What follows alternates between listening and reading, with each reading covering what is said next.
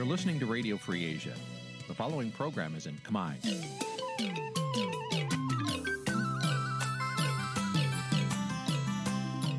នេះជាកម្មវិធីផ្សាយ Vuthu Azizi Serai នេះជាកម្មវិធីផ្សាយរបស់ Vuthu Azizi Serai ជាភាសាខ្មែរ Vuthu Azizi Serai សូមស្វាគមន៍លោកអ្នកនាងទាំងអស់ពីរដ្ឋធានី Washington នៃសហរដ្ឋអាមេរិក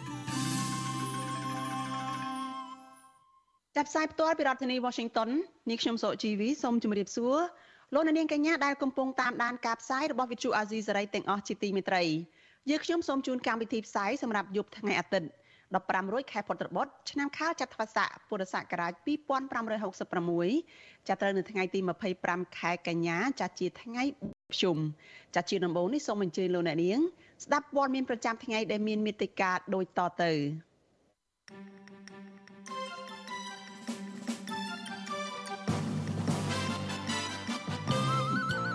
មន្ត្រីគណៈបកប្រជាជនកម្ពុជា បន្តចុះពង្រីកអធិបុលលើពលករខ្មែរនៅប្រទេសថៃអ្នកវិភាគថាលោកហ៊ុនសែនទៅធ្វើទស្សនកិច្ចនៅប្រទេសគុយបាមិនផ្ដល់ផលប្រយោជន៍ដល់កម្ពុជាទេអង្គការគំនិតរួចផ្ដាំសកលប្រឆាំងនឹងក្រតកម្មឆ្លងដែនបង្ហាញរបាយការណ៍កាប់ឈើខុសច្បាប់នៅកម្ពុជា ទីវត្តអារាមនិងកន្លែងកំសាន្តនានាមានសភាពអ៊ូអរក្នុងថ្ងៃភ្ជុំបិណ្ឌរួមនឹងព័ត៌មានសំខាន់សំខាន់មួយចំនួនទៀត។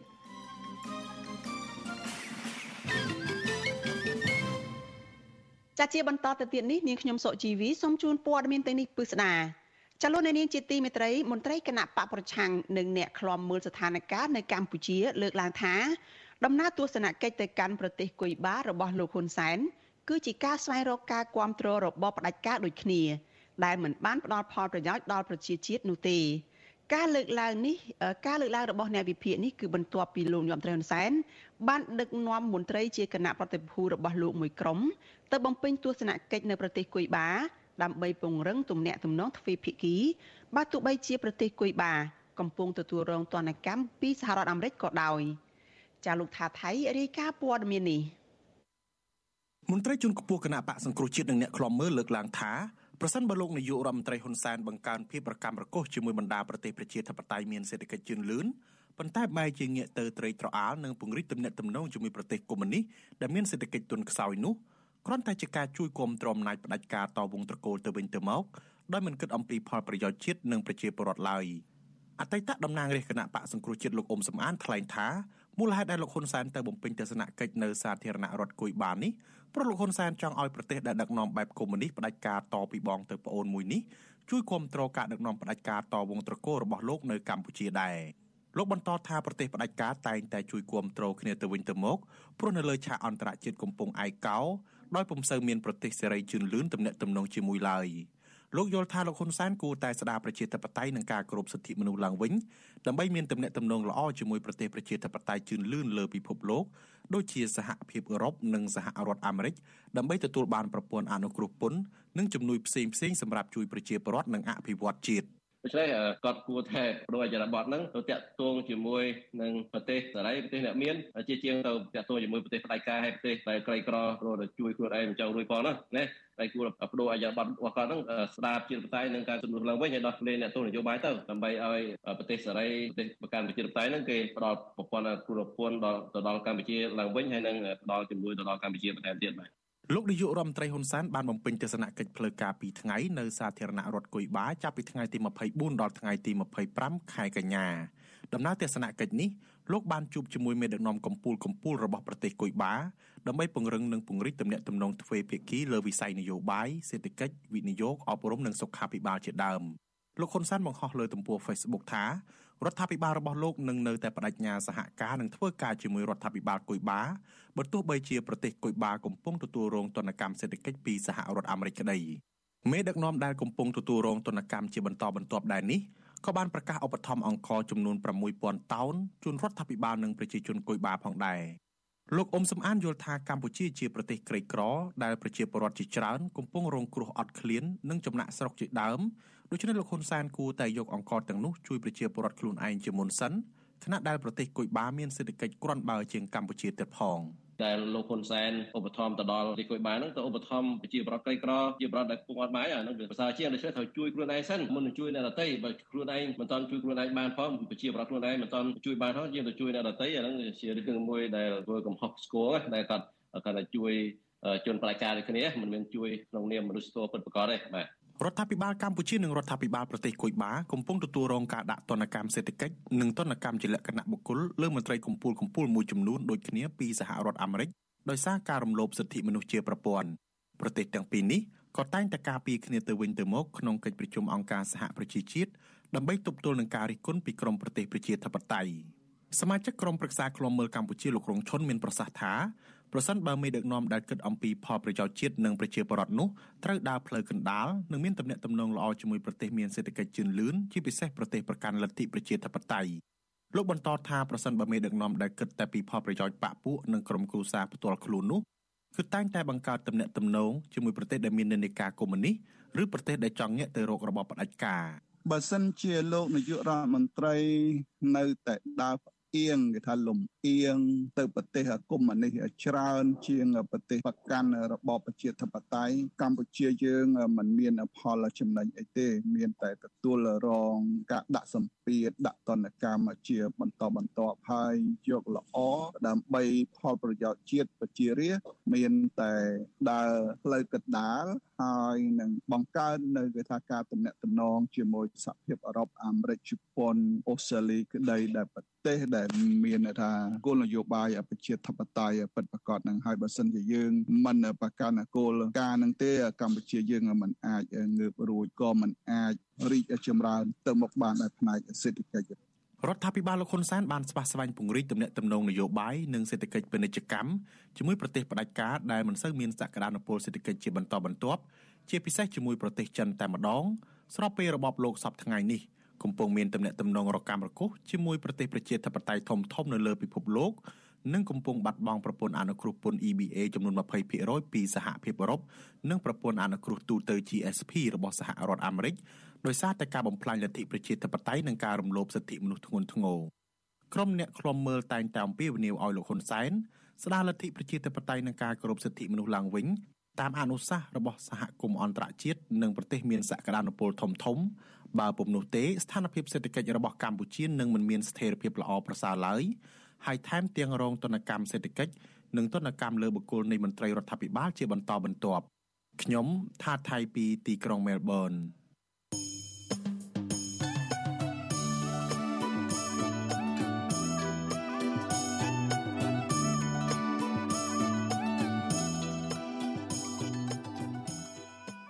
ចាលោកនាងកញ្ញាប្រិយមិត្តជាទីមេត្រីចាដំណើរគ្នានឹងស្ដាប់ការផ្សាយផ្ទាល់របស់វិទ្យុអាស៊ីសេរីចាតាមរយៈបណ្ដាញសង្គម Facebook និង YouTube នេះចាលោកនាងក៏អាចស្ដាប់ការផ្សាយផ្ទាល់របស់វិទ្យុអាស៊ីសេរីចាតាមរយៈវិទ្យុរលកធាតុអាកាសខ្លី SW តាមកម្រិតនិងកម្ពស់ដូចតទៅនេះពេលព្រឹកចាប់ពីម៉ោង5កន្លះដល់ម៉ោង6កន្លះតាមរយៈរលកធាតុអាកាសខ្លីចាំ12140 kHz ស្មើនឹងកម្ពស់ 25m និង13715 kHz ស្មើនឹងកម្ពស់ 22m ពេលយប់ចាប់ពីម៉ោង7កន្លះដល់ម៉ោង8កន្លះតាមរយៈរលកធាតុអាកាសខ្លី9960 kHz ស្មើនឹងកម្ពស់ 30m 12140 kHz ស្មើនឹងកម្ពស់ 25m និង11885 kHz ស្មើនឹងកម្ពស់ 25m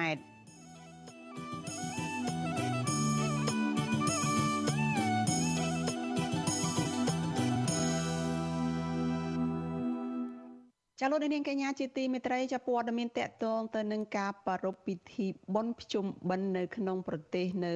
ថ្ងៃបញ្ចប់ពិធីបុណ្យភ្ជុំបិណ្ឌនៅថ្ងៃនេះវិញ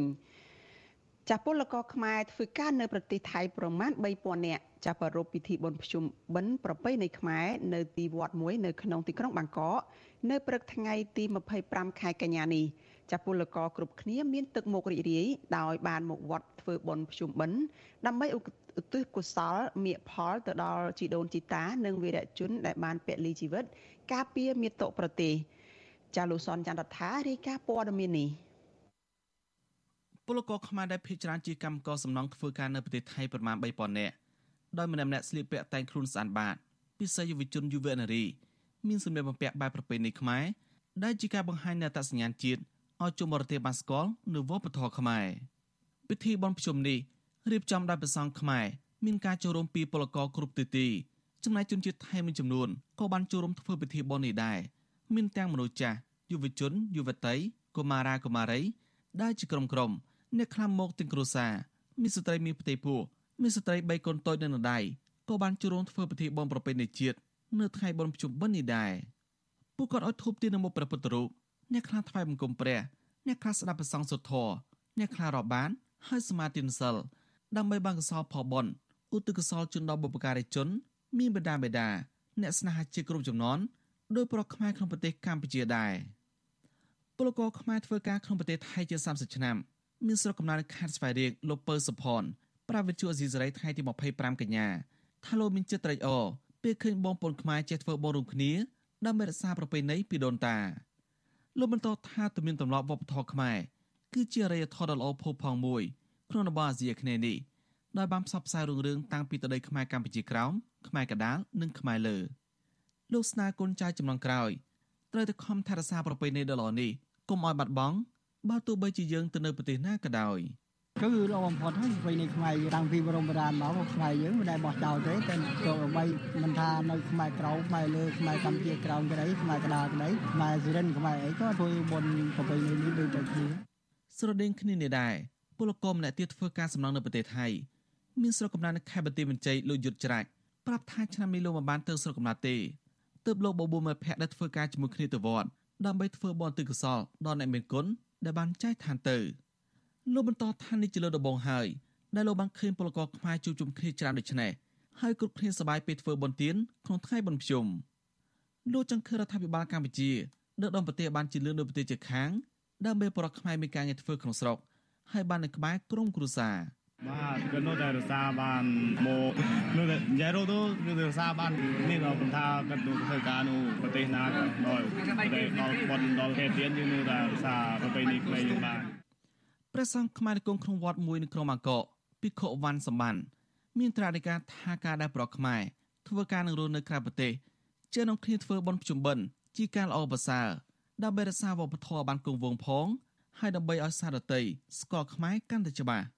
ព្រះអង្គមានត្រាធិការបន្ថែមថាបំជុំបិណ្ឌនេះមានតាំងពីសម័យលង្វែកមានប្រវត្តិតាក់ទងនឹងកងទ័ពស្នេហាជាតិនាសម័យនោះហើយក្រោយមកមនុស្សចំនួនក្រោយចេះតែប្រពធ្វើតតគ្នាដរាបមកព្រះអង្គបន្តថាការដែលមនុស្សចំនួនក្រោយចេះដឹងគុណបុព្វបុរសហើយបានធ្វើបន់ទិកសលជូនដល់អ្នកដែលបានចែកឋានទៅគឺជាអំពើល្អរបស់ពួកគេហើយពួកគេនឹងរស់នៅប្រកបដោយសេចក្តីសុខចម្រើនក្នុងជីវិត។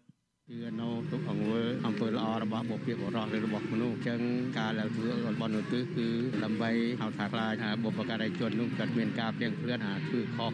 សិលខុសទឿឬប្រពុទ្ធរិបាដែលកំឡងនៅធ្វើវិន័យឬនៅសាសនាអញ្ចឹងខ្លាចគាត់បានធ្លាក់ទៅភពឋានទីកន្លែងដែលមិនសមគួរពួកយើងទៅធ្វើបុណ្យឧទ្ទិសដើម្បីបញ្ជូនបុណ្យកុសលទៅដល់ពួកគាត់ឲ្យបានហៅថាបានផុតចូលចាត់ទុកទោសដោយប្រការណាមួយព្រោះអញ្ចឹងការធ្វើបុណ្យឧទ្ទិសនឹងបានន័យតាមបែបសាសនាផងតាមជំនឿខ្មែរយើងផងបែបព្រហ្មញ្ញសាសនាផងពិធីបុណ្យភ្ជុំបិណ្ឌឬហៅថាបុណ្យសែននតា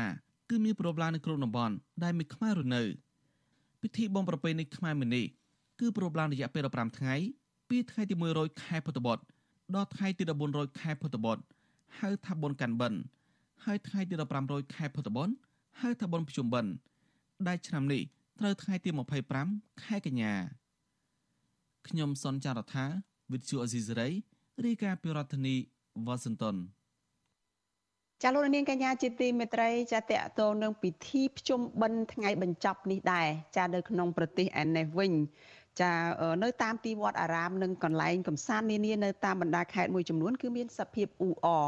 ចាក្រៅពីនេះពលរដ្ឋក៏បានជួបជុំគ្នាពិសាអាហារជាលក្ខណៈគ្រួសារព្រមទាំងធ្វើបុណ្យទានតាមទម្លាប់ប្រពៃណីនៃព្រះពុទ្ធសាសនាផងដែរទោះបីជាយ៉ាងណាក៏មានប្រជាពលរដ្ឋមួយចំនួនទៀតសោកសង្រេងនៅក្នុងពិធីបុណ្យភ្ជុំបិណ្ឌត្បិតតែសមាជិកគ្រួសាររបស់ពួកគាត់ត្រូវបានរដ្ឋាភិបាលលោកហ៊ុនសែនចាប់ដាក់គុកដោយសារតែរឿងមាននិន្នាការនយោបាយផ្ទុយពីគណៈបកកណ្ដាលអំណាច ចាលោកនាងនឹងបានស្ដាប់សេចក្តីរាយការណ៍នេះនៅក្នុងការផ្សាយរបស់យើងនៅពេលបន្តិចទៀតនេះចាលោកនាងកញ្ញាជាទីមេត្រីចាតកតងនឹងព័ត៌មានពីការលេងលបែងស៊ីសងភ្នាល់ឯនេះវិញចាស់ប្រជាពលរដ្ឋនៅតាមមូលដ្ឋាននៅក្នុងខេត្តបាត់ដំបងអះអាងថាលបែងស៊ីសងឆ្នោតកន្ទុយលេខនៅតែបន្តកើតមានចាស់ពួកគាត់សង្ស័យថាអាជ្ញាធរមូលដ្ឋានមិនបានចាត់វិធានការ ព្រោះទទួលសំណូកពីម្ចាស់បនលបែងទាំងនោះចាំមន្ត្រីសង្គមស៊ីវិលថាអាញាធរគួរតែបង្កើនសមត្ថភាពនៅក្នុងការបង្ក្រាបលបែងស៊ីសងទាំងនោះនិងអនុវត្តច្បាប់ឲ្យបានជាប់លាប់ចាជៀសវាងឲ្យសកម្មភាពការអនុវត្តច្បាប់ច្បាប់នោះចាធ្វើឡើងតែមួយឆាវមួយឆាវចាពីរដ្ឋធានី Washington លោកយ៉ងច័ន្ទដារារាយការណ៍អំពីរឿងនេះប្រជាពលរដ្ឋរស់នៅក្នុងខេត្តបាត់ដំបងលើកឡើងថាលបែងស៊ីសងមួយចំនួន នៅតែបន្តមានវត្តមាននៅក្នុងមូលដ្ឋានរបស់ពួកគាត់ ខណៈអាជ្ញាធរភូមិឃុំហាក់មិនខ្វល់ខ្វាយឬមានចំណាត់ការទៅលើបញ្ហាទាំងនេះទេប្រជាពលរដ្ឋរស់នៅឃុំតាម៉ឺនស្រុកថ្មគោលខេត្តបាត់ដំបងលោកស្រីគឹមសម្បត្តិប្រាប់វិទ្យុអាស៊ីសេរីនៅថ្ងៃទី24កញ្ញាថាមូលដ្ឋានរបស់លោកស្រី នៅតែមានវត្តមានបនលបែងវងបៀធំធំ និងចាក់កន្ទុយលេខដដែលលោកស្រីបន្តថារាល់ថ្ងៃមានអ្នកលក់កន្ទុយលេខឬឆ្នោតវៀតណាមជិះម៉ូតូចល័តលក់តាមភូមិ កន្លែងវងលបែងនិងនៅតាមទីតាំងមួយចំនួនទៀត។លោកស្រីបញ្ជាក់ថាឆ្នោតវៀតណាមនិងវងលបែងបៀតាមផ្ទះនេះមានផលប៉ះពាល់មិនចាញ់លបែងឡូតូអនឡាញឡើយដោយវាបានពង្វក់អ្នកភូមិឲ្យញៀនចាក់រាល់ថ្ងៃលោកស្រីបន្តថាអ្នកភូមិនិយមលេងលបែងប្រភេទនេះពិបាកនឹងដកខ្លួនចេញណាស់ដែលបណ្ដាលឲ្យពួកគាត់មានជីវភាពកាន់តែក្រីក្រទៅក្រីក្រទៅ ហើយចំពោះបញ្ហានេះលោកស្រីមិនដែលឃើញមានអាជ្ញាធរភូមិឃុំណាម្នាក់មកហាមឃាត់ ឬក៏មានចំណាត់ការទៅតាមបទបញ្ជា របស់រដ្ឋាភិបាលនៅឡើយទេមានវិជាបរដ្ឋម្នាក់គាត់ដូចប្រាប់ដែរថាបើមេភូមិមិនចាប់មានណាចាប់គេនិយាយចឹងណាទីច្រើនលក់ដាច់កន្លែងលេងវងបៀកន្លែងតាណាក៏ដូចតាណាដែរឲ្យថាមានលបែងគឺមានឆ្នោតយូរនឹងលក់ដាច់ហ្មងកន្ទុយលេខឬគេហៅថាឆ្នោតវៀតណាម គឺជាលបែងស៊ីសងខុសច្បាប់មួយប្រភេទដែលអ្នកលក់ចែកចាយគ្នាជាបណ្ដាញនិងជាសាខាដោយមានថៅកែធំជាអ្នកផ្ដល់សិទ្ធិឲ្យឈ្មួញកណ្ដាល ហើយបន្តលក់ចែកចាយនៅតាមភូមិតូបលក់អីវ៉ាន់និងជិះម៉ូតូលក់តាមផ្ទះឬទីប្រជុំជនជាដើមឆ្នោតវៀតណាមនេះមួយថ្ងៃចេញលទ្ធផល3ដង និងមានចំនួន4ប៉ុស្តិ៍ហើយអ្នកលេងឆ្នោតបរទេសមួយនេះអាចតាមដានលទ្ធផលលើបណ្ដាញសង្គម Facebook ឬអាចទាញយកកម្មវិធី មកដំឡើងនៅលើទូរស័ព្ទដៃក៏បានអ្នកលក់កន្ទុយលេខភាគច្រើនបានផ្ដល់សំណូកប្រចាំខែ ឬក៏គេហៅថាតុង ទៅកាន់អាជ្ញាធរនៅក្នុងមូលដ្ឋាន ដើម្បីអនុញ្ញាតឲ្យពួកគេរកស៊ីដោយសេរីប្រជាពលរដ្ឋនៅតាមទីប្រជុំជន និងនៅតាមជនបទនិយមលេងល្បែងប្រភេទនេះពីព្រោះទទួលបានប្រាក់ត្រឡប់មកវិញច្រើនប្រសិនបើចាក់ត្រូវលេខវិទ្យុអាស៊ីសេរីនៅពុំទាន់អាចតាក់ទងសុំការថាធិបាយពីអគ្គលេខាធិការនៃគណៈកម្មការគ្រប់គ្រងលបែងពាណិជ្ជកម្មលោករស់ភិរុននិងអ្នកនាំពាក្យអគ្គស្នងការដ្ឋាននគរបាលជាតិ លោកឆាយកឹមខឿនដើម្បីឆ្លើយតបរឿងនេះបានទេ នៅថ្ងៃទី24ខែកញ្ញាតែកតិនទៅនឹងរឿងនេះប្រធានសមាគមប្រជាធិបតេយ្យឯករាជ្យនៃសេដ្ឋកិច្ចក្រៅប្រព័ន្ធលោកវុនពៅលើកឡើងថាលោកចង់ឃើញការអនុវត្តដោយប្រសិទ្ធភាពរបស់អាជ្ញាធរទៅលើការបង្ក្រាបលបែងស៊ីសងគ្រប់ប្រភេទលោកបន្តថាជំនួសឲ្យការអនុវត្តច្បាប់បានតែមួយឆាវអាជ្ញាធរត្រូវតែមានចំណាត់ការតឹងរឹងបិទអាជីវកម្មលបែងទាំងអស់នេះនិងបិទជារៀងរហូត លោកសង្ឃឹមថារដ្ឋាភិបាលនឹងមានចំណាត់ការឬក៏បទបញ្ជាមើងម៉ាត់ទៅលើមន្ត្រីថ្នាក់ក្រោមបន្ថែមទៀតដើម្បីចាត់ការនិងទប់ស្កាត់ការរីករាលដាលឡើងវិញនៅលបែងស៊ីសងខុសច្បាប់គ្រប់ប្រភេទដើម្បីជៀសវាងការរិះគន់ថាអាជ្ញាធរអនុវត្តច្បាប់ដោយភ្លើងចម្បើង។ យើងក៏មិនចង់ឃើញដែលអាជ្ញាធរមូលដ្ឋានមួយចំនួនវាឆ្លៀតយកឱកាសនេះដើម្បីទៅខົບខិតជាមួយអ្នកបើកបនលបាយនៅនោះដើម្បីលួចលាក់បន្តនៅការបនលបាយនេះតទៅទៀតដែលធ្វើឲ្យកម្រិតញោមញីនៃជីវភាពពលរដ្ឋកាន់តែក្រទៅក្រទៅហើយយើងដឹងហើយជាទម្លាប់របស់ស្រុកយើងអ្វីអ្វីធ្វើបានតែមួយឈុលលេបន្ទាប់មកគឺហាក់ដូចថាអ្វីអ្វីគឺបានរីករាលដាលឡើងវិញ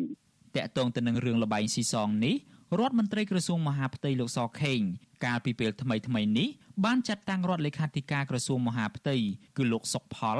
ដឹកនាំក្រុមការងារចុះបង្ក្រាបលបែងស៊ីសងគ្រប់ប្រភេទនៅទូទាំងប្រទេស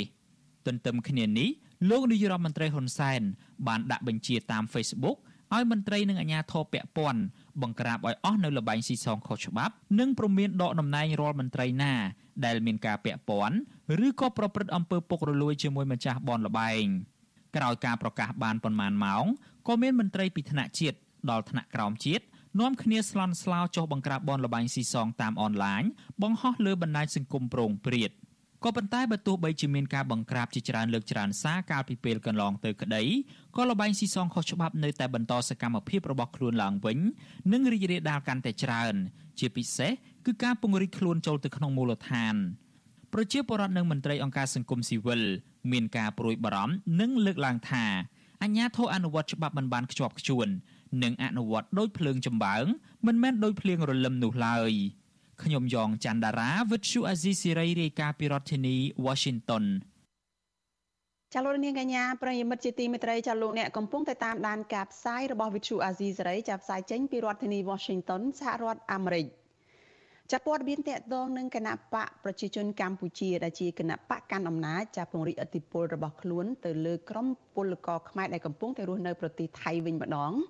ចាគណៈបកប្រជាជនកម្ពុជាចុះពង្រីកអធិបុលរបស់ខ្លួនកាន់តែខ្លាំងទៅលើពលករខ្មែរនៅក្នុងប្រទេសថៃក្រោយអាជ្ញាធរនៃប្រទេសទាំងពីរសហការគ្នាធ្វើទុកបុកម្នេញនិងបង្ក្រាបចំពោះសកម្មជនគណៈបកប្រឆាំងនៅទីនោះជាបន្តបន្ទាប់ ការលើកឡើងនេះបន្ទាប់ពីក្រសួងការងារនិងមន្ត្រីស្ថានទូតខ្មែរមកពីបកកណ្ដាលអំណាចបានចុះជួបពលករនៅក្នុងឱកាសពិធីបុណ្យភ្ជុំបិណ្ឌនៅក្នុងប្រទេសថៃនៅថ្ងៃទី25ខែកញ្ញានេះប៉ុន្តែមន្ត្រីរដ្ឋាភិបាលអះអាងថាពួកគេតែងតែយកចិត្តទុកដាក់អំពីសុខទុក្ខរបស់ពលករចំណាក់ស្រុកនៅក្រៅប្រទេសទៅវិញទេចាជនភៀសខ្លួនជាសកម្មជនគណៈបកសង្គ្រោះជាតិនៅក្នុងប្រទេសថៃដែលគេចេញពីការចាប់ចងពីសំណាក់រដ្ឋាភិបាលលោកហ៊ុនសែន លើកឡើងថាពួកគេពិបាកចុះជួបពលករដោយពេលមុនមុនដោយសារតែអាញាធរកម្ពុជាតែងតែប្តឹងអាញាធរថៃឲ្យចាប់ពួកគេជាបន្តបន្ទាប់ពួកគេបញ្ជាក់ថាបញ្ហានេះបានធ្វើពលករមួយចំនួនមិនហ៊ានចេញមុខគាំទ្រគណៈបកប្រឆាំងដោយសារតែពួកគេភ័យខ្លាច និងបារម្ភពីសវត្ថិភាពដែលនេះគឺជាឱកាសល្អមួយសម្រាប់គណៈបកប្រជាជនកម្ពុជា ដើម្បីបញ្ជ្រាបខ្លួនចូលទៅក្នុងចំណោមពលករខ្មែរនៅក្នុងប្រទេសថៃនោះ តំណាងជនភៀសខ្លួននៃគណៈបកសង្គ្រោះជាតិនៅក្នុងប្រទេសថៃចាលោកផុងសុជាតិប្រាប់វិទ្យុអាស៊ីសេរីថារដ្ឋលេខាធិការនៃក្រសួងកាងារគឺលោកហេងសួរជាមនុស្សស្និទ្ធនឹងកូនប្រុសច្បងលោកហ៊ុនសែននិងមានឈ្មោះអាស្រូវពូកែខាងគម្រាមកំហែងពលករនៅក្រៅប្រទេសតែងប្រើអតីតសកម្មជនដែលចុះជាមួយគណៈបកកណ្ដាលអំណាចនោះឲ្យដែលដែលទៅចុះចូលជាមួយនឹងគណៈបកកណ្ដាលអំណាចនោះ ឲ្យដើរអូសទាញពលករនៅតាមបណ្ដាខេត្តនៅក្នុងប្រទេសថៃដើម្បីគៀងគរកម្លាំងគ្រប់គ្រងនិងបញ្ចុះបញ្ចូលឲ្យចុះឈ្មោះចូលជាសមាជិកគណៈបកប្រជាជនកម្ពុជាដោយសន្យាជួយសម្រួលឯកសារផ្លូវច្បាប់ផ្សេងៗពីស្ថានទូតពីស្ថានទូតខ្មែរដោយសេរី។ របបហ៊ុនសែនបានធ្វើការគម្រាមកំហែងរហូតមកដល់ប្រទេសថៃទៀតសូម្បីតែពេលខ្លះយើងជួបជុំជាមួយពលករដែលគាត់ស្នេហាជាតិដែលគាត់ចង់ឲ្យមានការផ្លាស់ប្ដូររបបហ៊ុនសែនក៏ពលករទាំងអស់មានក្តីបារម្ភផងដែរនឹងជាការរឹតត្បៀតមកដល់ប្រទេសថៃទៀតបាទអញ្ចឹងហើយដោយសារតែមានការសហការគ្នារវាងរដ្ឋាភិបាលថៃនឹងជាមួយអាជ្ញាធរហ៊ុនសែនហើយតែងតែគម្រាមកំហែងជាបន្តបន្ទាប់បាទចាសស្រដៀងគ្នានេះដែរសកម្មជនគណបក សង្គ្រោះជាតិនៅខេត្តកំពង់ស្ពឺហើយកំពុងតែរស់នៅក្នុងប្រទេសថៃម្នាក់ទៀតលោកស្រីជុំសុភ័ណ្ឌលើកឡើងថាគណៈបកប្រជាជនកម្ពុជាបានធ្វើទុកបុកម្នេញគម្រាមកំហែងលើសកម្មជនគណៈបកប្រឆាំងឥតស្រាកស្រានពីកម្ពុជាបន្តរហូតចូលទៅក្នុងប្រទេសថៃដើម្បីទប់ស្កាត់សកម្មភាពនិងបន្សាបអធិបុលគណៈបកប្រឆាំងលើពលករខ្មែរ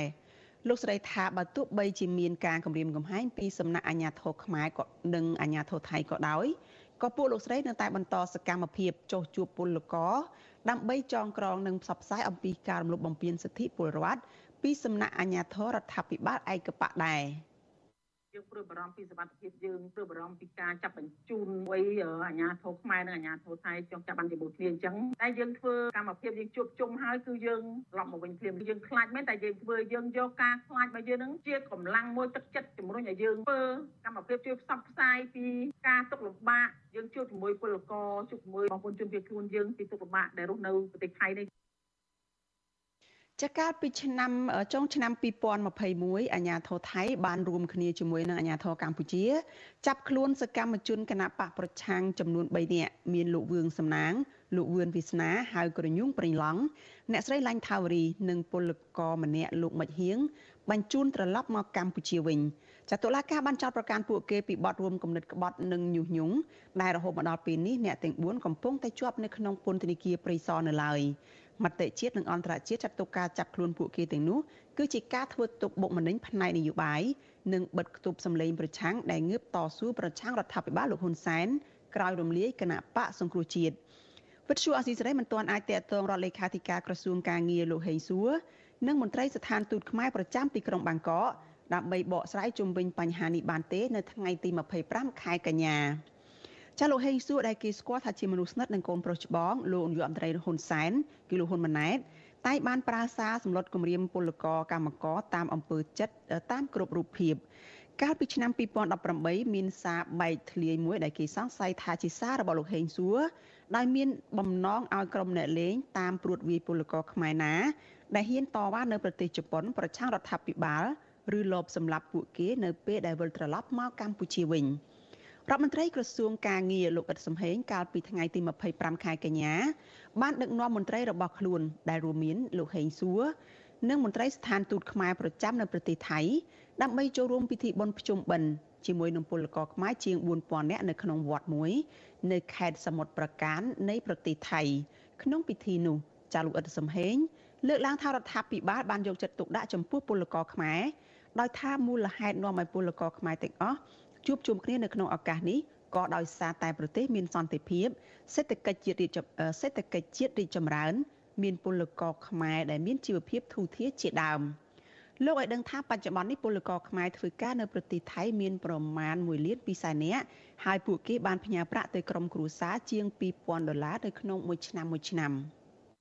សម្រាប់បងប្អូនពលករយើងដែលធ្វើការនៅប្រទេសថៃខ្ញុំសូមបញ្ជាក់ជាថ្មីថា រដ្ឋាភិបាលដែលមានក្រសួងការងារនិងបណ្ដុះបណ្ដាលវិជ្ជាជីវៈខាងឯកអគ្គរដ្ឋទូតកម្ពុជានិងក្រុមការងារគណៈបកប្រជាជនកម្ពុជាប្រចាំប្រទេសថៃបន្តយកចិត្តទុកដាក់ជានិច្ចចំពោះបងប្អូនដោយនឹងខិតខំផ្ដល់និងថែរក្សាឱកាសការងារមុខរបរតាមរយៈការពង្រឹងកិច្ចសហប្រតិបត្តិការលើគ្រប់វិស័យជាមួយភាគីថៃ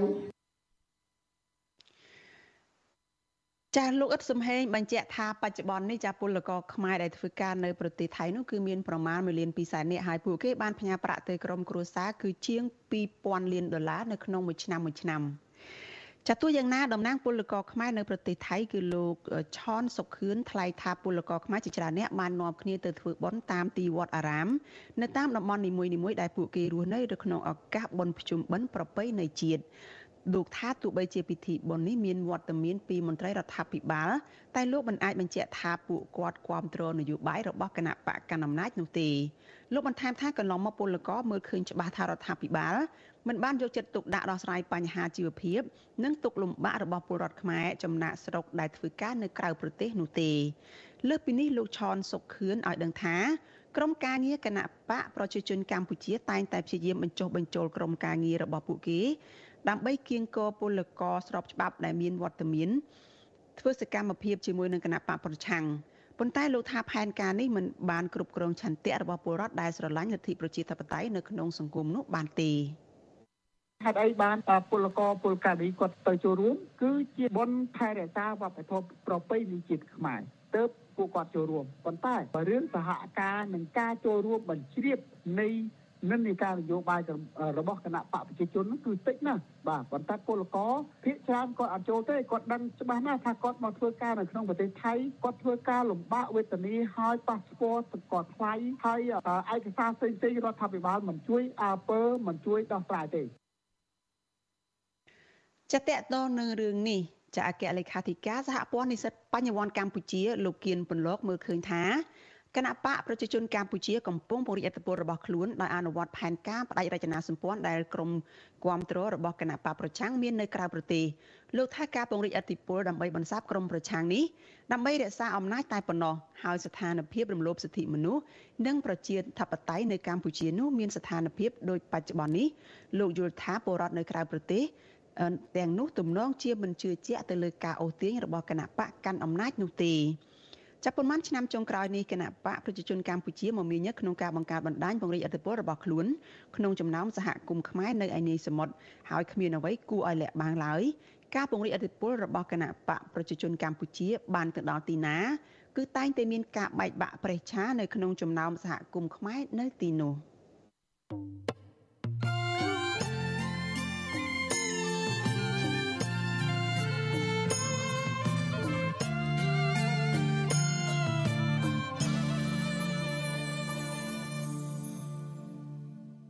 ចាលោកនាងកញ្ញាប្រិយមិត្តជាទីមេត្រីចាយើងងាកទៅព័ត៌មានមួយទៀតចាតកតងនឹងការបង្ហាញរបាយការណ៍ពីបទឧក្រិដ្ឋបទល្មើសព្រៃឈើនៅកម្ពុជាវិញម្ដងចាអង្គការគំនិតរួចផ្ដើមសកល ប្រឆាំងនឹងឧក្រិដ្ឋកម្មឆ្លងដែន Global Initiative Against Transnational Organization Crime នៅក្នុងខែកញ្ញានេះបានចេញលទ្ធផលស្រាវជ្រាវថ្មីអំពីមេធៀងអំពើពុករលួយឬក៏អំពើខុសច្បាប់ នៃរចនាសម្ព័ន្ធកັບឈើខុសច្បាប់នៅកម្ពុជា មន្ត្រីសង្គមស៊ីវិលយល់ឃើញថារបាយការណ៍នេះបានបង្ហាញការពិតអំពីអ្នកដែលមានតួនាទីធំធំ នៅក្នុងការប្រព្រឹត្តបទល្មើសព្រៃឈើនៅកម្ពុជា ហើយស្នើរដ្ឋាភិបាលទទួលយកអនុសាសន៍របាយការណ៍និងកែតម្រូវចំណុចខុសឆ្គងរបស់ខ្លួន ជាជាងច្រានចោលមិនទទួលយកការពិតដោយគ្មានហេតុផលចាពីរដ្ឋធានី Washington លោកទីនសការីយ៉ារាយការណ៍លម្អិតអំពីរឿងនេះ របាយការណ៍មេធៀងអំពើខុសច្បាប់នៃរចនាសម្ព័ន្ធកັບឈើខុសច្បាប់នៅកម្ពុជា បង្ហាញថាប្រព័ន្ធការពារគ្នាទៅវិញទៅមកដែលបង្កើតឡើងដោយគ្រូសាលោកនាយរដ្ឋមន្ត្រីហ៊ុនសែនជាមួយក្រុមអង្គការនិងកងកម្លាំងប្រដាប់អាវុធគឺជាកត្តាចម្បងធ្វើឲ្យមានវិនិស្សកម្មប្រៃឈើនៅកម្ពុជានៅតែបន្តកើតមានរបាយការណ៍បានសង្កត់ធ្ងន់ថាដើម្បីបានចូលរួមក្នុងប្រព័ន្ធការពារគ្នាទៅវិញទៅមកគេត្រូវបរិច្ចាគលុយ50ម៉ឺនដុល្លារអាមេរិកដល់គណៈបកប្រជាជនកម្ពុជា ដើម្បីបានងារជាអង្គញាហើយការទទួលបានងារនេះប្រៀបដូចជាការរៀបអាពាហ៍ពិពាហ៍ជាមួយគណៈបកប្រជាជនកម្ពុជាអស់មួយជីវិតដើម្បីភ្ជាប់មកជាមួយអភ័យឯកសិទ្ធិការទំនុកបំរុងនិងការទទួលខុសត្រូវជាមួយគ្នាទៅវិញទៅមក បន្ថែមពីលើនេះការឆ្លើយជ្រាវបង្ហាញថារបៀបបង់ប្រាក់ក្រៅផ្លូវការនៅក្នុងរចនាសម្ព័ន្ធរបបលហ៊ុនសែននិងកងកម្លាំងប្រដាប់អាវុធត្រូវបានធ្វើឡើងដោយទៅនឹងក្រុមជនអន្តរជាតិដែលមានរាងដូចជាពីរ៉ាមីតដោយក្នុងនោះ អ្នកដែលមានឋានៈតូចទាបត្រូវបង់ប្រាក់ខែរបស់ពួកគេរហូតដល់50%ទៅដល់អ្នកដែលមានទូនាទីធំជាងខ្លួនដោយប្រាក់ខែមិនអាចផ្គត់ផ្គង់ជីវភាពបានមន្ត្រីទាំងនោះត្រូវតែរកចំណូលបន្ថែមតាមរយៈការទទួលសំណូកដោយឡែកចំពោះមន្ត្រីណាដែលមិនបានបង់ប្រាក់ដល់ថ្នាក់លើ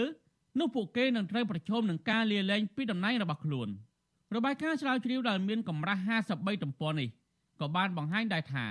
ការបង្ពន្ធក្រៅផ្លូវការ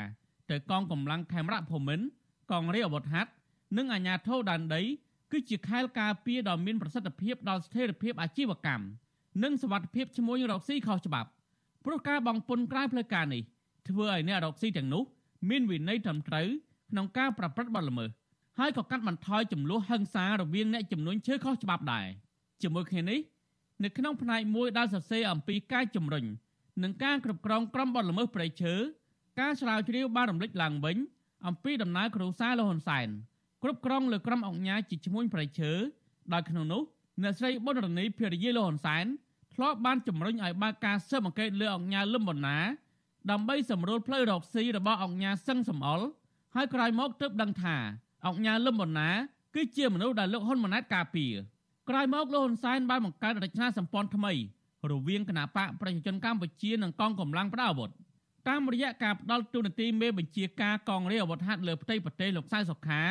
ជាប្រធានគណៈកម្មាធិការជាតិដើម្បីទប់ស្កាត់និងបង្ក្រាបបទល្មើសធនធានធម្មជាតិការផ្ដាល់ទូនាទីដល់លោកសៅសុខានេះត្រូវបានគេមើលឃើញថាគ្រាន់តែដើម្បីគ្រប់គ្រងបទល្មើសព្រៃឈើឲ្យមានរបៀបរៀបរយនិងប្រមូលពន្ធក្រៅផ្លូវការឲ្យបានកាន់តែច្រើនតែប៉ុណ្ណោះ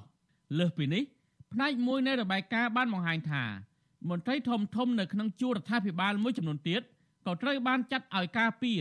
និងចូលរួមប្រព្រឹត្តបទល្មើសព្រៃឈើដែរមន្ត្រីទាំងនោះរួមមានអភិបាលខេត្តមណ្ឌលគិរីលោកស្វាយសំអៀងអ្នកនាំពាក្យកងរាជអាវុធហត្ថលើផ្ទៃប្រទេសលោកអេងហ៊ីអភិបាលខេត្តកំពង់ចាមលោកអ៊ុនច័ន្ទដាអភិបាលខេត្តបៃលិនអ្នកស្រីបានស្រីមុំ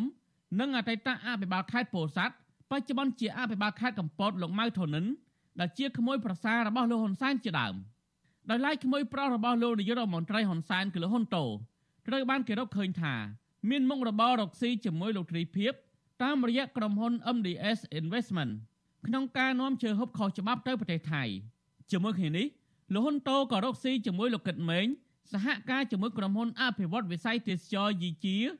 ដែលមានថៅកែជាជនជាតិចិនឈ្មោះហ្វូសៀនតាំងទទួលបានសិទ្ធិវិនិយោគផ្ដាច់មុខនៅក្នុងការអភិវឌ្ឍតំបន់ឆ្នេររៀមក្នុងខេត្តប្រសេះហនុ ហើយបានដណ្ដើមយកដីប្រជាពលរដ្ឋនិងកាប់ឈើខុសច្បាប់ដែរការសិក្សាស្រាវជ្រាវនេះបានធ្វើឡើងក្នុងរយៈពេល4ខែគឺពីខែឧសភាដល់ខែសីហាឆ្នាំ2021ដោយបានចោះស្រាវជ្រាវបន្ថែមពីបទល្មើសព្រៃឈើនិងការដឹកជញ្ជូនឈើខុសច្បាប់ដោយផ្ទាល់ពីតំបន់អភិរក្សសត្វព្រៃភ្នំសំកោះតំបន់អភិរក្សសត្វព្រៃស្នួលនិងចំណុចបញ្ចប់នៃផ្លូវដឹកជញ្ជូនឈើពីតំបន់អភិរក្សសត្វព្រៃភ្នំព្រិចតំបន់អភិរក្សសត្វព្រៃភ្នំសា តំបន់អភិរក្សសត្វព្រៃភ្នំនំលា និងតំបន់អភិរក្សសត្វព្រៃកៅសីមាការសិក្សាស្រាវជ្រាវនេះក៏មានករណីសិក្សាលម្អិតពីរផ្សេងគ្នាទៀតដែរក្នុងនោះករណីសិក្សាទី1បានបង្ហាញពីការកាប់បំផ្លាញព្រៃឈើនៅតំបន់ជួរភ្នំក្រវាញលោកលីយ៉ុងផាត់ដែលត្រូវបានគេស្គាល់ថាជាថកែក្រុមហ៊ុនស្កឈៀមហើយមានទំនាក់ទំនងយ៉ាងជិតស្និទ្ធជាមួយលោកហ៊ុនសែននោះបានរកស៊ីជាមួយក្រុមហ៊ុនចិន UDG ដោយទទួលបាន56%នៃដីសម្បត្តិឧទ្យានជាតិបទុមសាគរ170,000ហិកតាដោយឡែកចំពោះលោកទ្រីភិបរបាយការណ៍បង្ហាញថាលោកបានបង្កើតបណ្ដាញរកស៊ីខុសច្បាប់យ៉ាងធំនៅក្នុងប្រទេសកម្ពុជាជាមួយមន្ត្រីខិលខូចដល់ក្នុងនោះលោកទ្រីភិបថែមទាំងបានប្រើប្រាស់កម្លាំងផ្ដាល់អាវុធដើម្បីការពារដឹកជញ្ជូនឈើខុសច្បាប់ទៅប្រទេសវៀតណាមផងដែរចំណែកករណីសិក្សាទី2បានបង្ហាញអំពីអំពើពុករលួយជាប្រព័ន្ធក្នុងការបង់ប្រាក់ ដើម្បីដឹកជញ្ជូនឈើខុសច្បាប់ចេញពីខេត្តមណ្ឌលគិរីនិងខេត្តក្រចេះទៅប្រទេសវៀតណាមករណីសិក្សានេះបង្ហាញថាដើម្បីនាំឈើខុសច្បាប់ចេញពីខេត្តទាំងពីរនេះបានឈ្មោះត្រូវបង់លុយនៅកន្លែងត្រួតពិនិត្យជាង20កន្លែងដល់អាជ្ញាធរមានសមត្ថកិច្ចនិងក្រុមកម្លាំងផ្ដាល់អាវុធវិទ្យុអាស៊ីសេរីពុំអាចតាក់ទងអ្នកនាំពាក្យរដ្ឋាភិបាលលោកផៃសិផានិងអ្នកនាំពាក្យក្រសួងបរិស្ថានលោកនិតភឿនត្រាដើម្បីសូមអធិប្បាយជំវិញនឹងរបាយការណ៍នេះបានទេនៅថ្ងៃទី25កញ្ញា ដោយឡែកអ្នកនាំពាក្យកងរាជអាវុធហត្ថលើផ្ទៃប្រទេសប្រាប់វិទ្យុអាស៊ីសេរីថាស្ថាប័នលោកនិងរដ្ឋាភិបាលមិនខ្វល់ខ្វាយចំពោះការលើកឡើងរបស់របាយការណ៍អន្តរជាតិណាមួយនោះទេលោកអេងហ៊ីបានបដិសេធថាលោកមិនដែលជួយលាក់បាំងអក្រិតកម្មប្រៃឈើអ្វីឡើយព្រោះទូនីតិរបស់លោកត្រឹមតែជាអ្នកនាំពាក្យតែប៉ុណ្ណោះខ្ញុំទៅអត់មានដែលលាក់បាំងអីក្រតិកម្មអីទេព្រោះខ្ញុំជាអ្នកនាំពាក្យពាក់ព័ន្ធអ្វីឃើញថាអញ្ចឹងខ្ញុំមិនខ្វល់ពីបញ្ហា របាយការណ៍របស់ខាងក្រៅទេសំខាន់នៅក្នុងអង្គភាពរបស់ខ្ញុំពាក់ព័ន្ធជាមួយនឹងទួនាទីភារកិច្ចការទូខុសត្រូវរបស់ខ្ញុំជាមួយនឹងខាងកងរាជវហាត់ប្រមុខរដ្ឋាភិបាលប៉ុណ្ណឹងទោះបីជាយ៉ាងនេះក្តីជំវិញនឹងលទ្ធផលស្រាវជ្រាវនេះប្រធានផ្នែកស្រាវជ្រាវនឹងតស៊ូមតិនៃសមាគមបណ្ដាញយុវជនកម្ពុជាហៅកាត់ថា CVN លោកហេងកំហុងយល់ឃើញថារបាយការណ៍នេះគឺជាសក្ខីភាពបញ្ជាក់បន្ថែមអំពីមូលហេតុដែលបណ្ដាលឲ្យមានបទល្មើសព្រៃឈើនៅកម្ពុជា នៅតែបន្តកើតមាន លោកហេងកំហុងបន្ថែមថា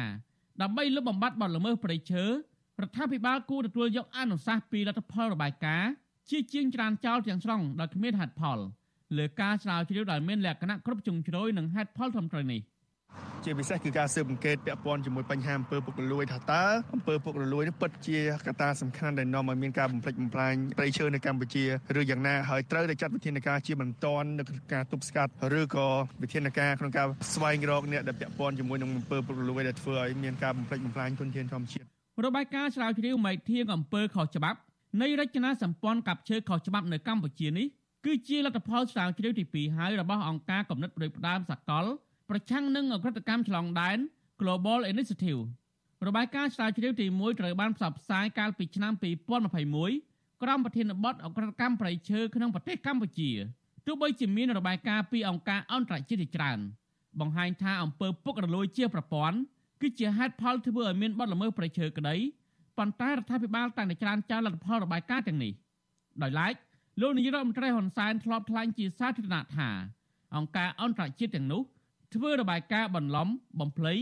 ដោយមានចេតនាបំផ្លាញកិត្តិយសគ្រួសាររបស់លោកជាដើមប៉ុន្តែទោះបីជាបែបនេះក្តីលោកហ៊ុនសែនធ្លាប់បានបញ្ញាថាបើលោកការពារប្រៃឈើនៅកម្ពុជាមិនបានទេ លោកនឹងកាត់តកលោកចោលក៏ប៉ុន្តែមកទល់ពេលនេះបទល្មើសប្រៃឈើនៅតែកើតមានដដែលខ្ញុំធីនសាការីយ៉ាអាស៊ីសេរីប្រធានីវ៉ាស៊ីនតោន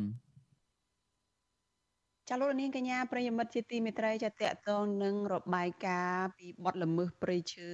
អឺនៅពេលនេះចានេះខ្ញុំនឹងមានសម្ភារផ្ទាល់មួយជាមួយនឹងយុវជនដែលស្រឡាញ់ធនធានធម្មជាតិចាជាយុវជននៃចលនាមេដាធម្មជាតិចាគឺលោក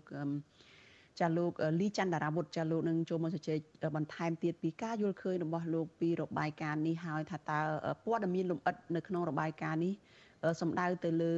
ក្រមណាហើយអ្នកណាខ្លះពាក់ព័ន្ធនឹងរឿងនេះចាហើយគួរតែមានការស៊ើបអង្កេតឬក៏យ៉ាងណានោះចាយើងនឹងជជែកគ្នាបន្ថែមជាមួយនឹងលោកលីច័ន្ទរាវុធអំពីរឿងនេះចាសូមជម្រាបសួរលីច័ន្ទរាវុធពីចម្ងាយចាបាទសូមជម្រាបសួរអ្នកបេងសុជីវីបាទចាតារាវុធតើបានទៅប្រជុំថ្ងៃនេះនឹងបានទៅវត្តទៅអីដែរទេចាអឺអត់បានមិញដោយសារតែ ឈឺផងហើយរវល់ផងចានៅរវល់តាមដានរបាយការណ៍រឿងព្រៃឈើនេះបានចាចាអឺតារាវុធអឺតើយល់ឃើញយ៉ាងម៉េចចាជាយុវជនម្នាក់ដែលស្រឡាញ់ធនធានធម្មជាតិនៅពេលដែលឃើញរបាយការណ៍មួយថ្មីចេញមក របស់អង្គការអន្តរជាតិនេះឲ្យគេបញ្ជាក់អំពីមេឃធៀងនៃអ្នកដែលជាប់ពាក់ព័ន្ធទៅនឹងការកាប់បំផ្លាញព្រៃឈើដែលជាអ ுக ្រិតកម្មនៅកម្ពុជា ហើយក្នុងនឹងនឹងគឺមានលើកឡើងពីក្រមគ្រួសាររបស់លោកមន្ត្រីហ៊ុនសែនហើយមន្ត្រីធំធំពាក់ព័ន្ធមួយចំនួនទៀតផងនឹងតើលីដារាវុធយល់ឃើញយ៉ាងម៉េចចា៎បាទមែនតើទៅយើងឃើញថាអ ுக ្រិតកម្មព្រៃឈើនៅកម្ពុជាវាកើតឡើងនៅក្នុងទ្រង់ទ្រាយធំហើយ អឺយើងអត់ចាំបាច់អឺនិយាយមកតាមរបាយការណ៍នេះរបាយការណ៍ជាច្រើនតែអស់រយៈពេលច្រើនឆ្នាំមកហើយហ្នឹងគឺបានបង្ហាញអំពីភស្តុតាងជាច្រើនប្រឆាំងនឹងបុគ្គលមួយចំនួនដែលកំពុងតែកេងប្រវ័ញ្ចធនធានធម្មជាតិនៅកម្ពុជាដូចជាត្រីភាពអីជាដើមលឹមបណ្ណាអីជាដើមហ្នឹងគឺសុទ្ធតែមានភស្តុតាងជាក់លាក់ហើយប៉ុន្តែយើងអត់ឃើញថាមានការនាំយកបុគ្គលទាំងអស់ហ្នឹងមកដាក់ក្នុងការស៊ើបអង្កេតហើយកាត់ទោសអីនៅឡើយទេហើយចំពោះខ្ញុំចំពោះរបាយការណ៍នេះវាឃើញជាការ ធ្វើឲ្យកាន់តែច្បាស់ឡើងនៅប្រព័ន្ធមួយដែលកំពុងតែបំផ្លិចបំផ្លាញធនធានធម្មជាតិខ្មែរដែលច្រានចោលនៅហេតុផលមួយចំនួនគេលើកឡើងថាព្រៃឈើនឹងបាត់ដោយសារតែប្រជាជនខ្មែរនៅមូលដ្ឋានជាអ្នកកាប់ឬក៏អឺឈើនឹងបាត់បង់ទៅដោយសារតម្រូវការនៅក្នុងស្រុកអីជាដើមហ្នឹងប៉ុន្តែជាក់ស្ដែងគឺរបាយការណ៍នេះបានបង្ហាញថាឈើជាច្រើនត្រូវបានដឹកចេញទៅវៀតណាមទៅប្រទេសចិនហើយទៅហុងកុងផងដែរហើយ អ្នកដែលដឹកឈើទៅចេញទៅបែបហ្នឹងគឺសុទ្ធតែជាអ្នកធំដែលមានឈ្មោះក្នុងរបាយការណ៍ជាដើមហើយសម្រាប់ខ្ញុំអ្វីដែលកើតឡើងនៅក្នុងរបាយការណ៍នេះគឺវាជាផ្នែកមួយទូចនៅក្នុងប្រទេសកម្ពុជាយើងព្រោះអីបើនិយាយពីការរស់ស៊ីនៅក្នុងវិស័យធនធានធម្មជាតិនេះគឺមានច្រើនណាស់ដែលដែលវាអត់មានតម្លាភាពហើយនឹងវាវាធ្វើឲ្យបាត់បង់ចំណូលជាតិផងហើយវាប៉ះពាល់ទៅដល់បុគ្គលទៅដល់ប្រជាជនជាច្រើនផងមានទាំងខ្សាច់ផងទាំងរ៉ែមាសផងទាំង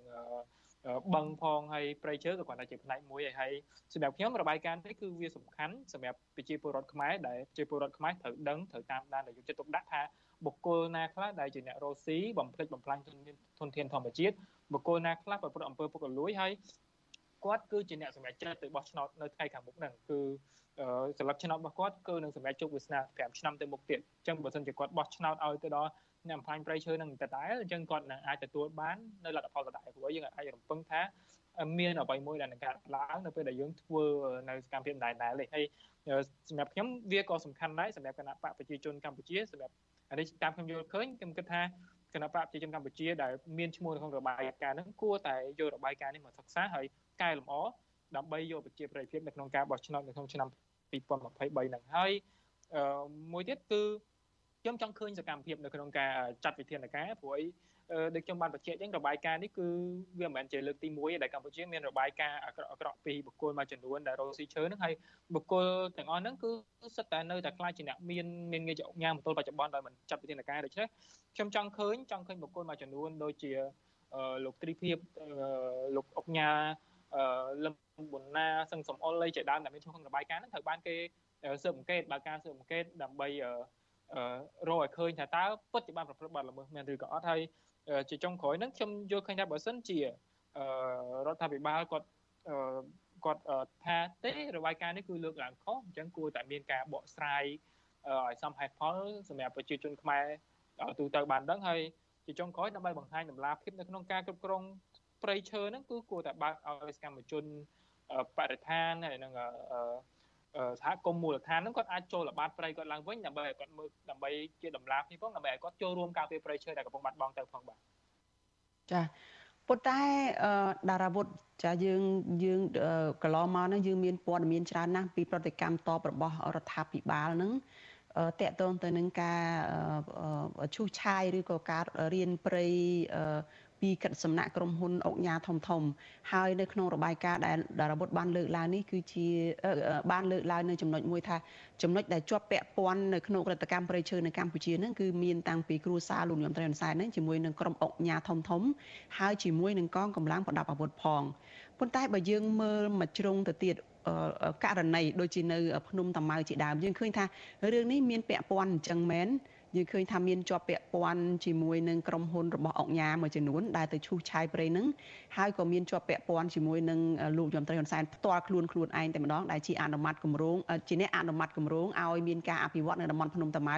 ហើយឈានទៅដល់ការឈូសឆាយបំផ្លាញព្រៃនៅក្នុងតំបន់នឹងហើយក្រោយមកទៀតនឹងក៏មានការជាប់ពាក់ព័ន្ធជាមួយនឹងក្រុមកងទ័ពភ្លាមដែលជាកងអង្គរៈចេញមកការពារតំបន់ព្រៃនឹងក្រោយពេលដែលមានការឈូសឆាយអីមិនឲ្យមាននរណាម្នាក់ចុះទៅស៊ើបអង្កេតឬក៏ចុះទៅតាមដានការកាប់បំផ្លាញព្រៃឈើភាពហិនហោចនៅតំបន់ភ្នំតាម៉ៅនឹងបានទៅទៀត ដូច្នេះនេះគឺជាឧទាហរណ៍មួយនៅកណ្ដាលក្រុងនៅនៅកណ្ដាលប្រទេសដែលមនុស្សម្នាអាចមើលឃើញបានទាំងអស់ពីភាពជាប់ពាក់ព័ន្ធគ្នារវាងលោកយមត្រីហ៊ុនសែនក្រុមគ្រួសាររបស់លោក ហើយក្រុមអុកញ៉ាហើយនឹង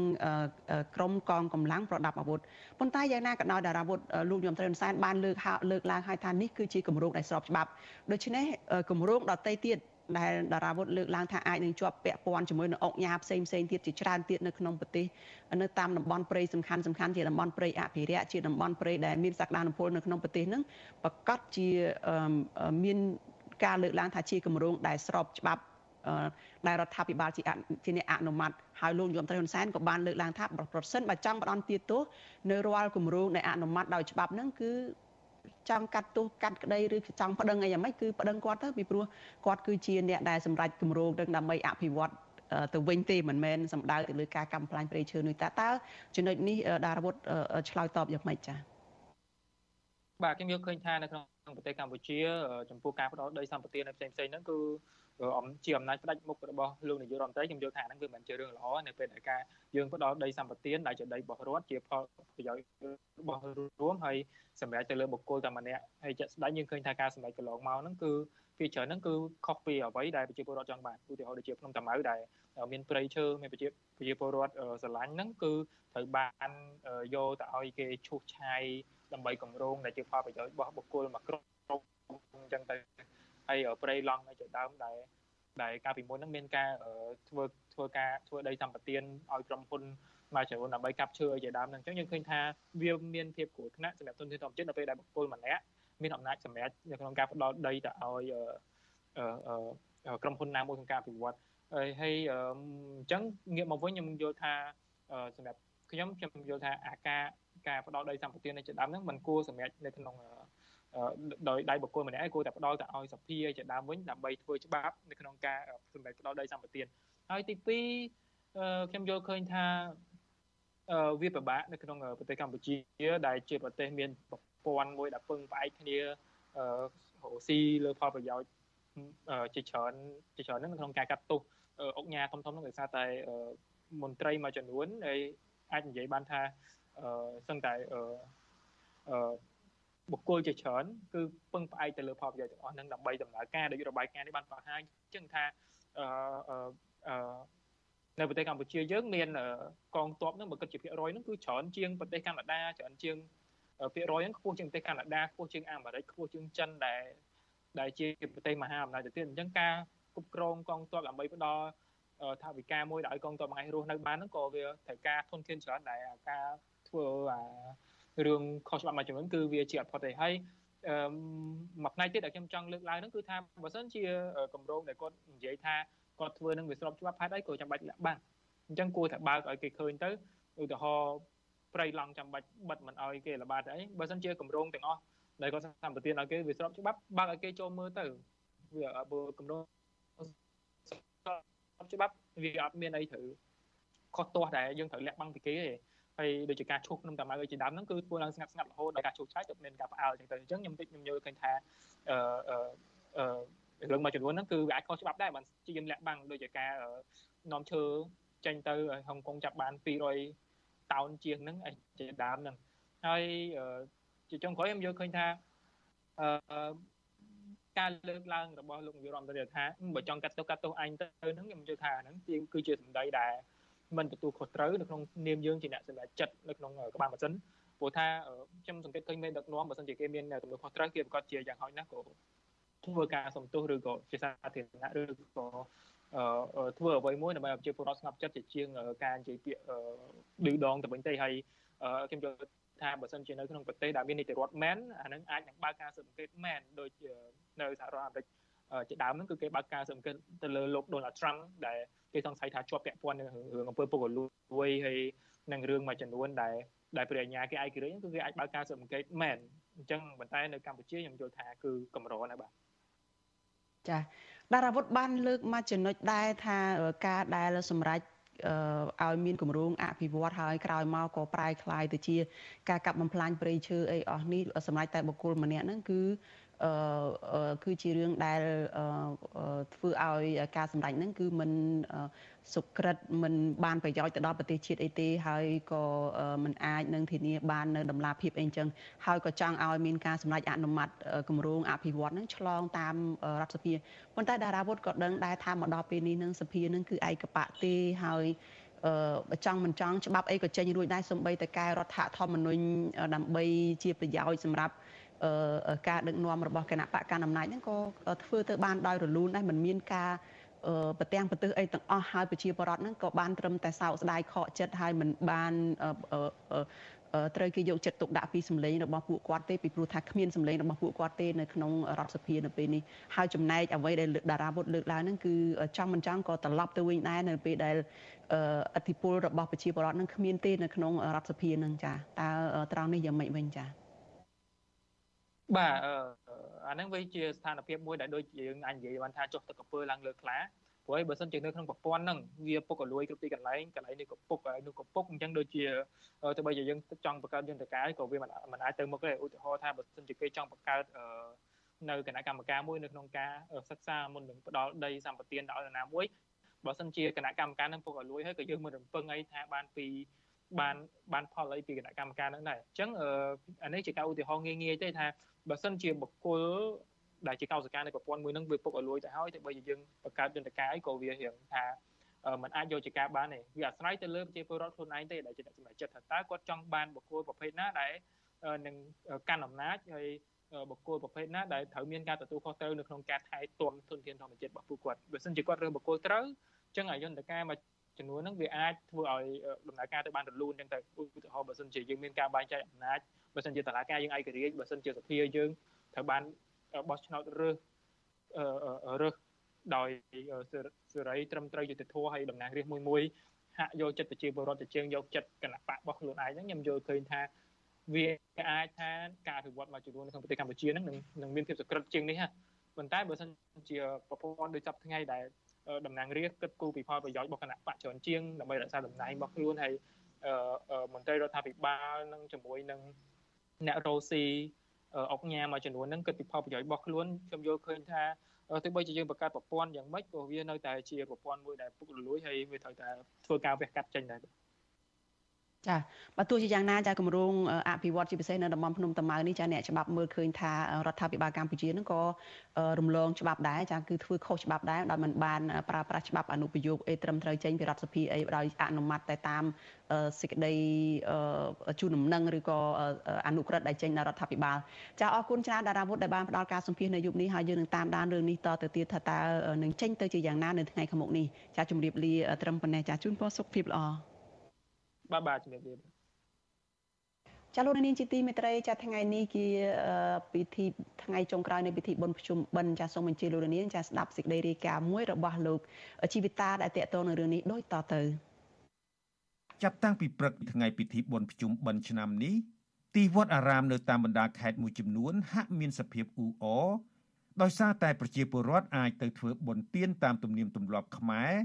ក្រោយពីពួកគាត់មួយចំនួនខកខានមិនបានប្រារព្ធពិធីកាន់បិណ្ឌកាលពីឆ្នាំទៅដោយសារតែជំងឺរាតត្បាតសកលប្រដេជគុណជាផលីនគង់នៅវត្តគោកខ្ពស់ស្ថិតនៅខេត្តសៀមរាប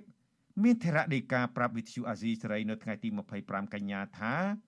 នៅថ្ងៃបញ្ចប់នៃពិធីកាន់បិណ្ឌឆ្នាំនេះមានប្រជាពលរដ្ឋច្រើនកុះកមករួមគ្នាធ្វើពិធីបោះបាយបិណ្ឌប្រដេជគុណបន្តថា នៅពេលព្រឹកនិងនៅថ្ងៃត្រង់ក៏មានពុទ្ធបរិស័ទក្មេងចាស់ប្រុសស្រីយ៉ាងច្រើន បានយកចង្ហាន់មកប្រគេនព្រះសង្ឃ